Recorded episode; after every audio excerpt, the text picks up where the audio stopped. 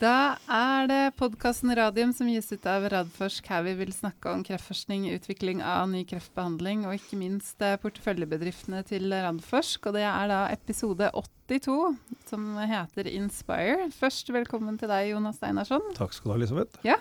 Vi kan bare si at det er innspilling av andre podkast eh, denne dagen. Ja, Ja, det kan vi er si. Går Sånn unna, eh, går unna i dag. Det, alle, alle rare ting som vi sier nå, det skyldes fordi vi har hatt en til tidligere i dag.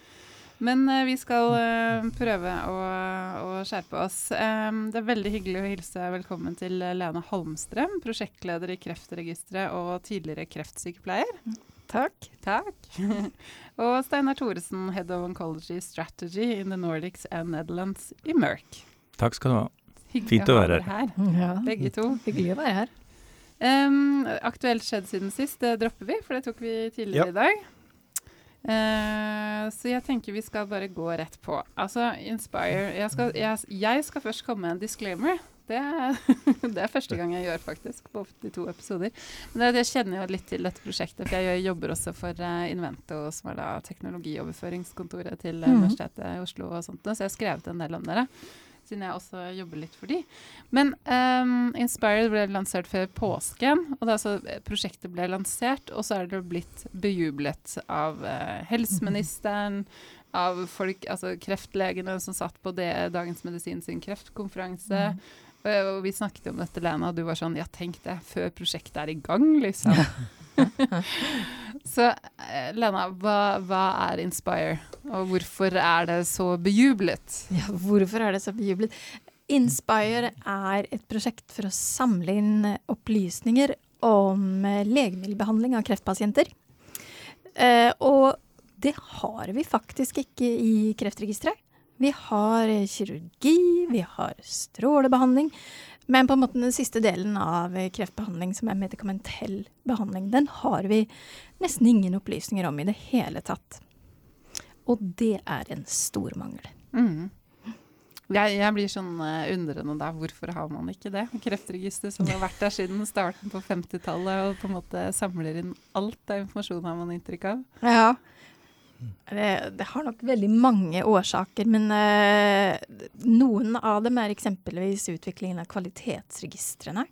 Som gjør at vi på noen kreftformer kan følge med hele pasientforløpet. Og det har Kreftregisteret ikke nødvendigvis gjort tradisjonelt sett. Vi har Mm. liksom sett på forekomst av kreft og dødelighet, Ja. overlevelse. Men det å kunne følge et helt behandlingsforløp, det er først med kvalitetsregistrene som vi klarer å gjøre det. Mm. Og da er medikamentell kreftbehandling veldig vesentlig. Mm. Og de kvalitetsregistrene det er eh, innenfor de store kreftformene så Ja, langt. det er barnekreft, mm -hmm. det er brystkreft, det er eh, gynekologisk kreft, men først og fremst eh, eggstokk, egentlig. Eh, Det er eh, føflekkreft, nå kalt melanomregisteret. Det er lungekreft, det er lymfekreft, Mm, prostatakreft og tykk- og endetarmskreft. akkurat. Så det har blitt- stadig blitt utvida, det. For jeg visste ikke at det var så mange nå. Men, vi har eh, åtte nasjonale åtte kvalitetsregistre, Mm. og så har vi noen som er i eh, Vi har et register på spiserørs- og magesekkreft, men de har ikke nasjonal status okay. ennå. Men der Mm. har vi et aktivt fagmiljø, i hvert fall. Mm. Mm. Men, men eh, Inspire det er jo ikke bare kreftregisteret. Eh, dere er jo på en måte et, eh, hva skal man Mhm. kalle det for noe, et, et ordentlig privat-offentlig samarbeid. Kan ikke jeg si litt kort om aktørene bak? gjerne du, Steinar. Du har jo blitt omtalt som Inspire sin far. Burde sagt det da jeg introduserte deg. Ja, ja, da, ja da, det, farsrollen kan jo være mangfoldig, den. Men, men eh, Så ideen kom jo eh, primært i samarbeid med Kreftregisteret, men industrien eh, Legemiddelindustrien så behov for å ha komplette behandlingsdata for kreftpasienter i Norge, hvilket jo, som dere sier, da manglet fullstendig. Eh, og det er mange grunner til at industrien ønsker det, men, men vi tok et initiativ da for å se om det var eh, muligheter for å få opp et samarbeid, og det viste seg ganske fort at det var faktisk da ni selskaper eh, i industrien som ville være med på dette. Mm. Og, og da ble det jo fart i sakene, samarbeid med Kreftregister, Kreftforeningen og, for så, og Invento og for så vidt helseforetakene. Da, så da ble det etablert.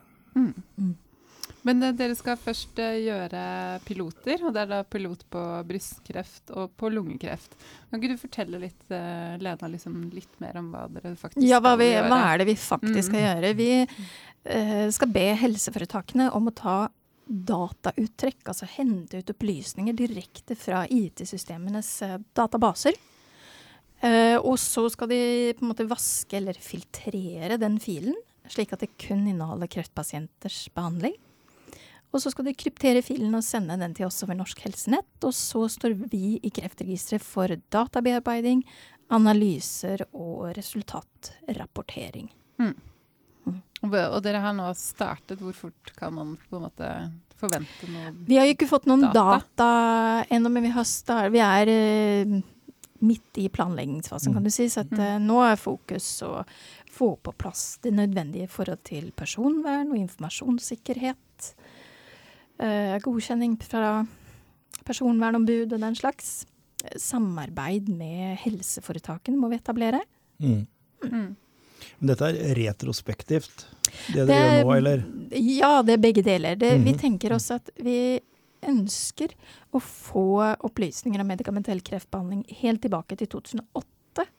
Fordi sykehusene det, det er mulig. Mm. Altså det forutsetter at man har brukt IT-systemer for medikamentell kreftbehandling så langt tilbake i tid. Og fordi eh, sykehusene der man ikke har den historikken, så tar vi den historikken de har, Mm. rett og slett. Mm. Og så de påfølgende rapporteringen eller datauttrekken blir da den behandlingen som er aktuell siden sist.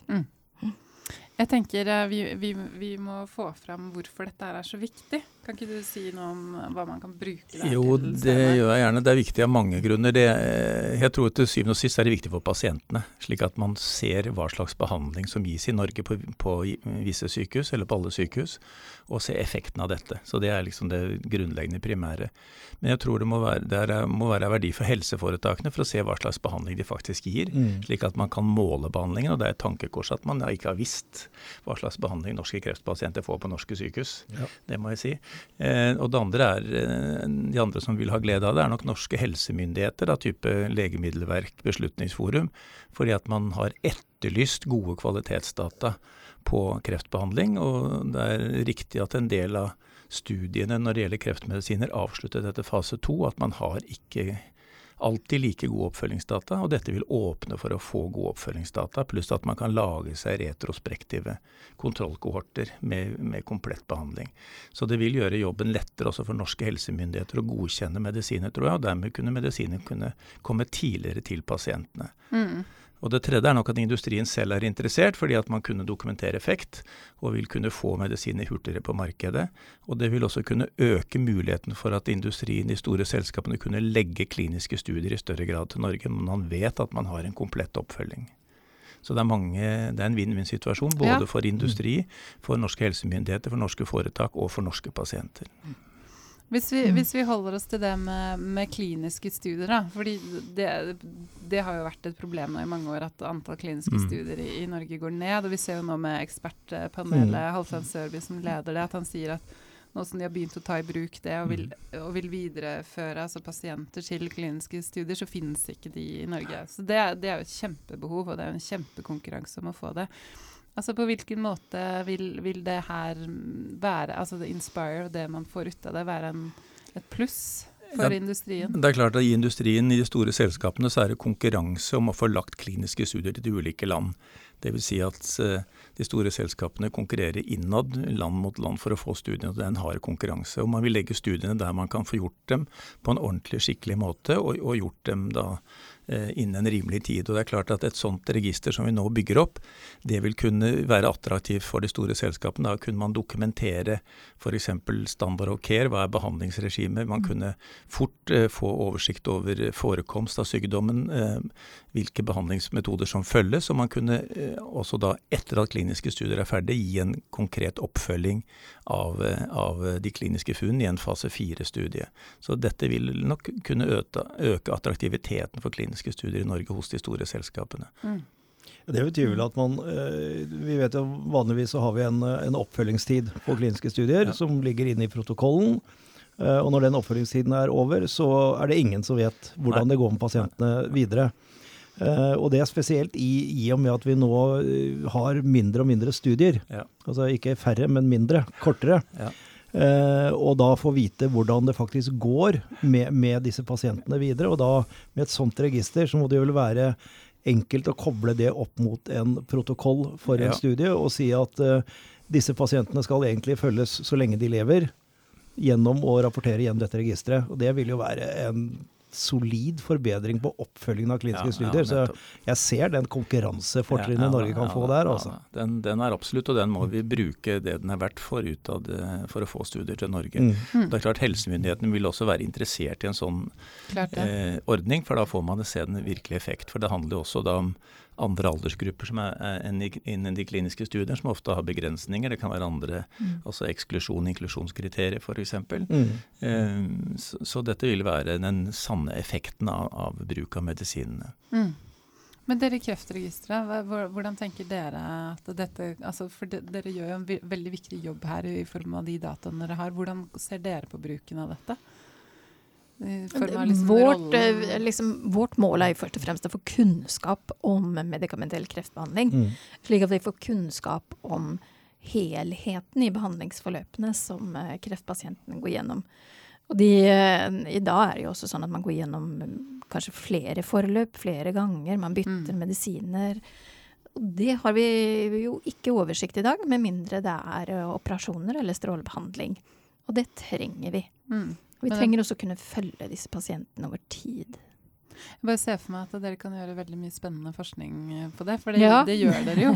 Gjør mye spennende forskning når dere har disse dataene. Ja, det, det første vi gjør er jo først og fremst bare å kartlegge. Mm. Hvordan ser det ut? Hvilken behandling får hvilke pasienter i hvilke helseforetak? Mm.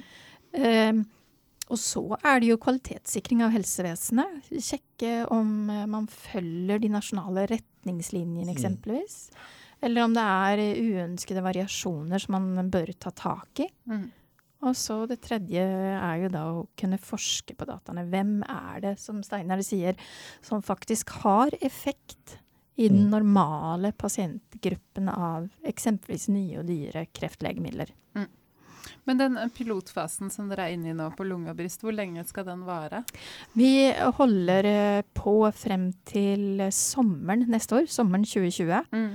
Og håper å Vi har som mål i hvert fall å kunne gi ut noen resultater på medikamentell behandling på lungekreft og brystkreft i løpet av neste år.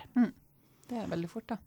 Og så da, hvis det viser seg at denne metodikken dere nå har utviklet, og at dette fungerer sånn som, sånn som man har Ja. tenkt seg, eh, hvordan vil man da gjøre utvidelsen til eh, Har dere tenkt noe på det? Ja, det, og det får vi også masse spørsmål om. Hva Ja, det blir jeg neste kreftform? eh, Det vi, er sånn dere knapt startet, ikke sant? Så er folk sånn Ja, men når kommer det ja, mer? ikke sant? Når kommer det enda mer?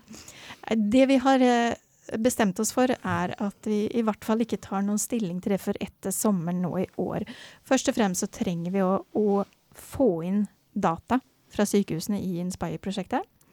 Vi trenger å høste erfaringene både fra datainnsamlingen og med dataene i seg selv. Og begynne å jobbe med både lungekreft og brystkreft før vi egentlig kan si hvilken eh, eksempelvis finansiering eller prosjektform vi trenger for å utvide Mm. dette til flere kreftformer. Mm. Jeg, jeg tror jo at uh, det er en rekke Det kommer en, uh, en rekke av de kreftformer som har levet litt i skyggen av de mest interessante, og som man i dag ikke har nesten retningslinjer for, eller uh, for så vidt interessegrupper eller, eller kvalitetsregisteret. Jeg tror de vil kunne vinne stort på dette og få en komplett oversikt.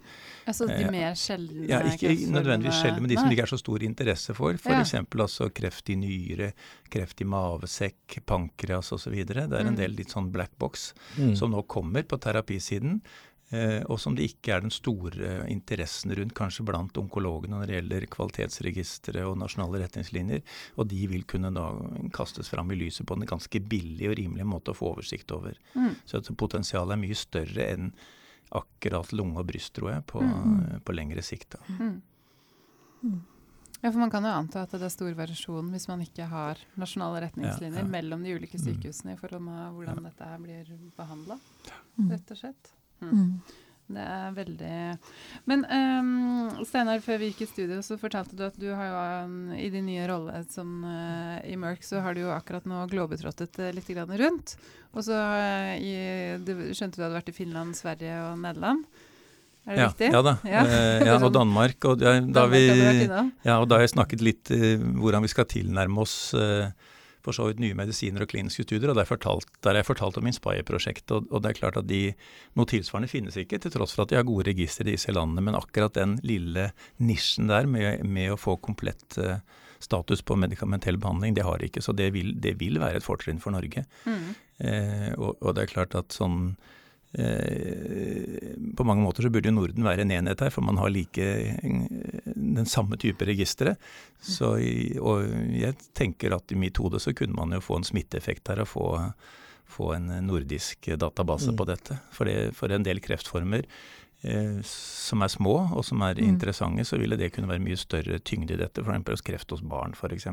Og sjeldne kreftformer. Mm. Så det nordiske perspektivet er der. Mm. Mm. Ja, og jeg har også spurt deg om dette her tidligere, Lena. og Du også sa at du hadde jo ikke hørt om noe tilsvarende i, i Norden, altså hvor man har da, de eldste kreftregistrene i verden. Ja. Men, men du hadde hørt om et prosjekt i England, var det ikke Ja, sånn? i England så uh, Public Health England har uh, etablert en rutine der i sykehus som gir medikamentell kreftbehandling, da laster opp et datasett med hvilken behandling de har gitt pasientene på Public Health Englands hjemmeside. Ja. På et eller annet vis. Mm. Som eh, da Public Health England lager analyser på. Mm. Den, eh, en av de sentrale forskerne der får vi faktisk besøk av om noen eh, uker, som skal fortelle oss litt mer om det prosjektet. Mm. Men ellers så kjenner vi ikke til noen nasjonale oversikter i det hele tatt. Det kan være at det finnes på enkelte sykehus eller regioner i enkelte land, men ikke nasjonalt. Det styrker jo da teorien om at dette kan jo virkelig være en forskjell forse for eh, Norge innenfor å tiltrekke seg kliniske studier. Absolutt. jeg tenker det, Dette gjelder spesielt da, altså oppfølgingen av pasienter, og spesielt altså En, en ting er, eh, som du sier, eh, med, med, i, i forhold til å følge opp pasientene, hvilken type behandling de får i dag, eh, og om det er hvilke Mm. forskjeller det eventuelt er innenfor helseforetak og Mm. sykehus.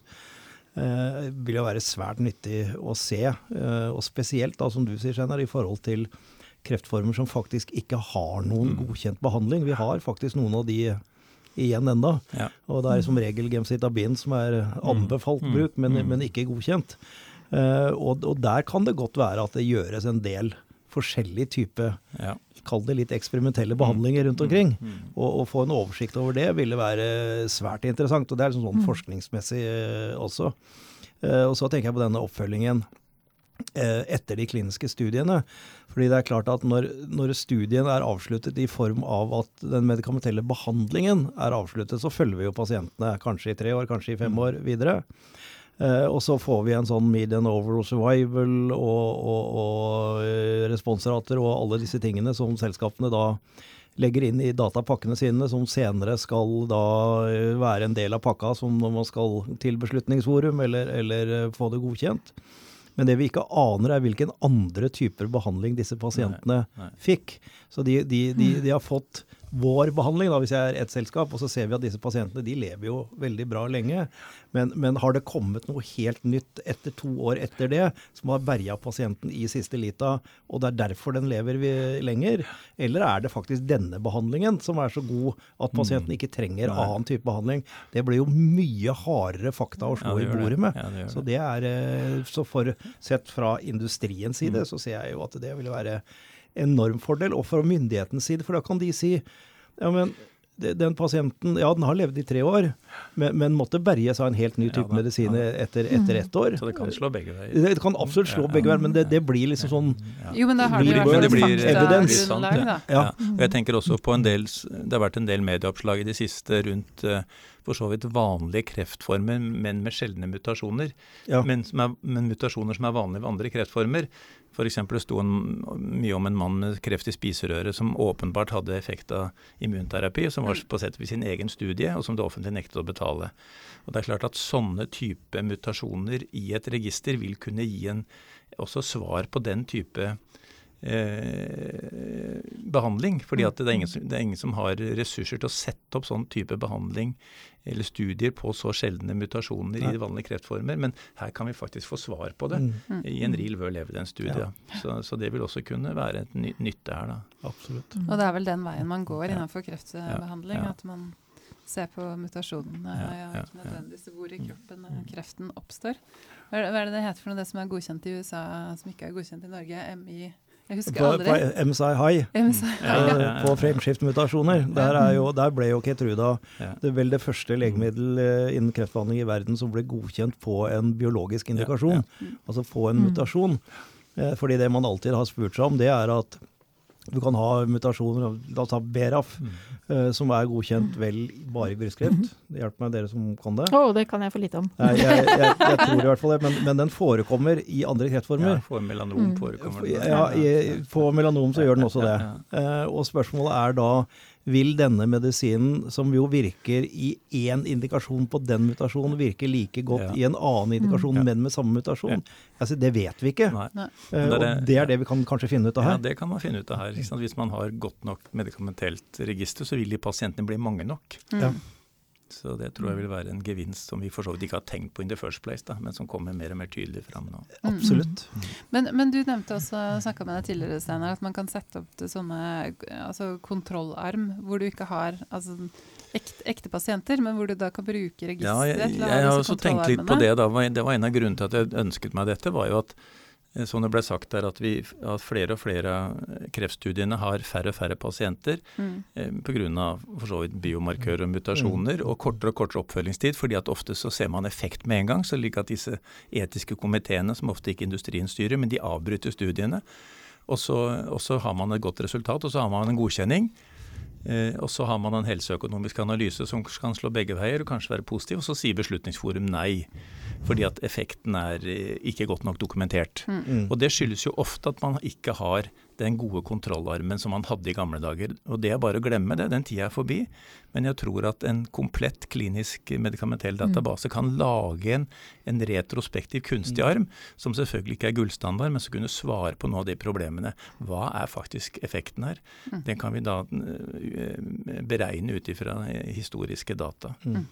Det der er, ve det er er veldig interessant og kan kanskje løse noe som er en stor utfordring, og det er nettopp som du sier, at med den nye type behandling vi har innenfor kreft nå, så ser vi effekten veldig kjapt. Ja. Og da vet vi at det virker, men vi vet ikke hvor lenge det virker. Eh, og vi får ikke fulgt opp eh, pasientene. Og når vi ser effekt i veldig alvorlige kreftsykdommer tidlig, så er det jo totalt uetisk å fortsette Ja, med ja. randomiserte studier med placebo. Så som du sier, den tiden er over hvor vi kjører store studier med, med randomisert med placebo. Ja. Og da, da mister vi den kontrollarmen. Jeg har ikke tenkt på det, men det er, det er veldig smart Ja, det å bruke ja, dette til det. Er du enig i det, at det kan Ja, det er nå ikke jeg kreftlege eller onkolog, så jeg tør ikke å uttale meg om det. Men eh, ja, Men vi har eksempler på, jeg ser eksempler på, på små litt sånn sjeldne hudkreftformer for eksempel, som ikke er melanom, hvor man ikke får adgang til behandling i Norge. Mm. Hvor, hvor jeg tror at uh, denne type data, og hvis man hadde turt mm. og, og, og f.eks. gi litt sånn pay for performance en liten Ja. stund, og, og laget studie, så ville dette kunne løse seg. Mm. smart. Men det, det, det utfordrer jo eh, myndighetene. Det er jo helt tydelig. eh, Ja, jeg sånn- tror, jeg, sånn på jeg tror at uh, myndighetene må fort, tenke annerledes. Altså ja, ja. Legemiddelverket og Beslutningsforum må tenke annerledes. Den tida med store fase 3-studier Mm. med kontrollkortet med en placeboarm som er enkel, den er forbi. Ja. Kreft behandles ikke sånn lenger. Det er, det er, Mm. det er steinalderen. Mm. Så dette kommer, og det er bare å ta inn over seg. Men, men Jonas, jeg vet at du kjenner jo ikke så godt til det prosjektet. Får høre litt her. Hva, hva tenker du i forhold til liksom utviklingen av, av norske kreft, eh, kreftindustri? Altså selskapene i Radforsk, andre selskaper. Ja, dette vil jo være Det er jo da av diverse grunner, så det havner dessverre fortsatt altfor mange av våre studier for eh, de små selskapene i eh, utlandet. Eh, og det har vi diskutert tidligere, hva det er. eh, og, og eh, med flaskehalser og dårlig infrastruktur på sykehusene, og, og egentlig det dere møter i, i Big Pharma også. Det, så vi, de små selskapene møter de samme utfordringene. Men vi ønsker jo av hele vårt hjerte å legge disse studiene til Norge. I hvert fall også til Norge. Det kan godt være at vi må Mm. åpne flere land fordi det er sjeldne kreftformer og sånn, men i hvert fall til Norge. Eh, og det å kunne ha denne type eh, informasjon og oppfølging eh, vil jo være et stort pluss og, og, og viktig argument for våre selskaper til faktisk å legge studiene Mm. eh, til Norge. eh, Og få så mange pasienter som mulig til Norge, siden det er det eneste stedet vi kan følge opp på den måten. Så det, er- dette vil være viktig for våre selskaper også, helt klart. Det skal også sies at vi eh, har jo informert og eh, har jo samarbeid med Legemiddelverket på dette her. De er kjempeinteressert i prosjektet. og eh, en fra Legemiddelverket kommer å delta i prosjektgruppen når vi først får data. Så Vi har bra. også vært og presentert det for Sykehusinnkjøp Ja. for- bare for et par dager siden. Og de blir også veldig begeistret for Mm. eh, de mulighetene som åpner seg.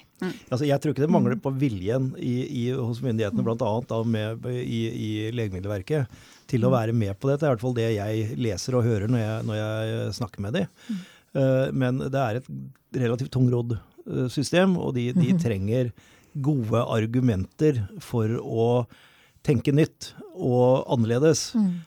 For dere, denne nye måten å behandle kreft på, det ødelegger jo statistikeryrket omtrent mm. helt. ikke sant? Fordi de får jo ikke de tallene og Nei, de, nei. den impacten i, i sine tall som, eh, som de er vant til å, å regne på.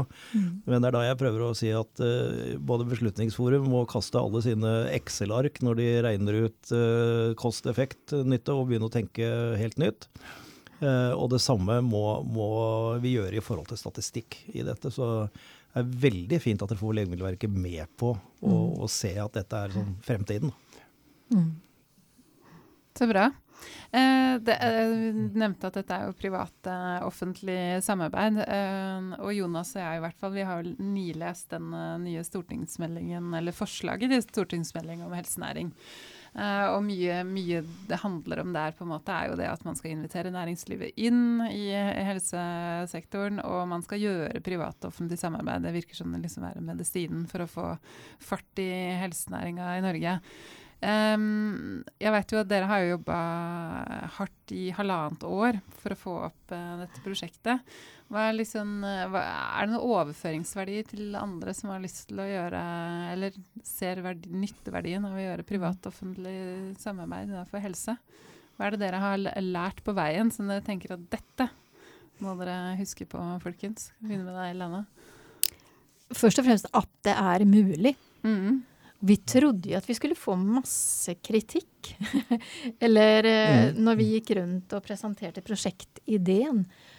Og det har vi ikke fått. På det, eh, vi har ikke møtt på en måte den her uh, skepsisen mot uh, at industrien finansierer to tredjedeler av prosjektet som vi trodde, på en måte. Mm.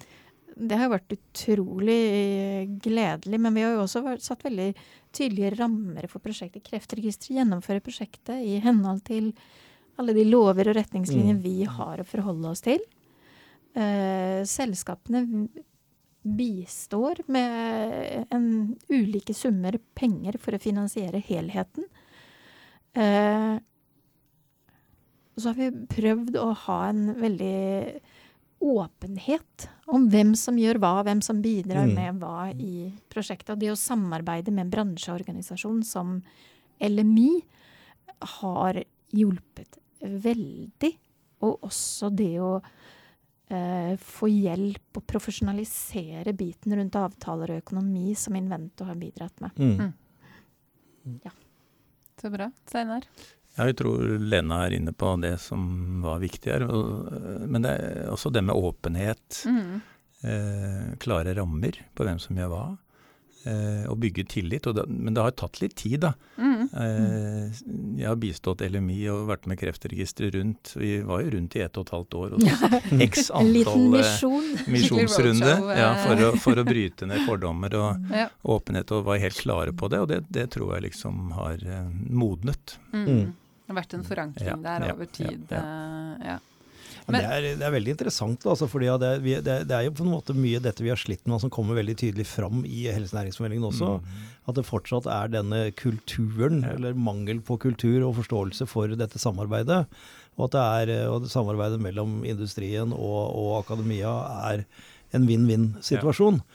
Mm. Uh, og jeg har nå holdt på med dette her uh, i 19 år, så jeg har jo sett at ting har forandra seg. Ja, Veldig mye til det bedre, men, men, vi opplever jo fortsatt sånne igjen, kronikker du, du, du må ikke nevne, du, ikke, i, da, i Dagens Næringsliv, hvor overskriften er å holde industrien unna sykehusene. Så, så mm. all, all, ære for at dere faktisk har klart å bryte en del av de barrierene nå. Altså, men det er som dere har sagt, dere har gjort en grundig jobb uh, med informasjon og åpenhet. Jeg tror det er veldig viktig.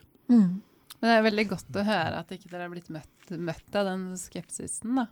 Selv om dere kanskje ja, det, frykta det. Ja, det er jeg fortsatt litt forbauset over, faktisk. Ja, For den har faktisk ikke vært der i noe særlig grad. Nei, det, det, det, har den uh, faktisk ikke. Det har vært litt diskusjon fra industriens side om tilgang til dataene. altså Hvor mm, lett ja. er det å få ut data etterpå. Ja. Mm. Men, men, der har Kreftregisteret vært veldig åpne på at det, det er jo en kreftregisterforskrift i Norge, yes. og en plikt til å utlevere data innen en viss tid. Mm. Og, og, det har vært, og, og det har Kreftregisteret vist at der har de vært troverdige på til nå. Så, så, så det har industrien da slått seg til ro med at mm. dette mm. vil være tilgjengelig for de som har en god protokoll mm. og et gode spørsmål. Ja.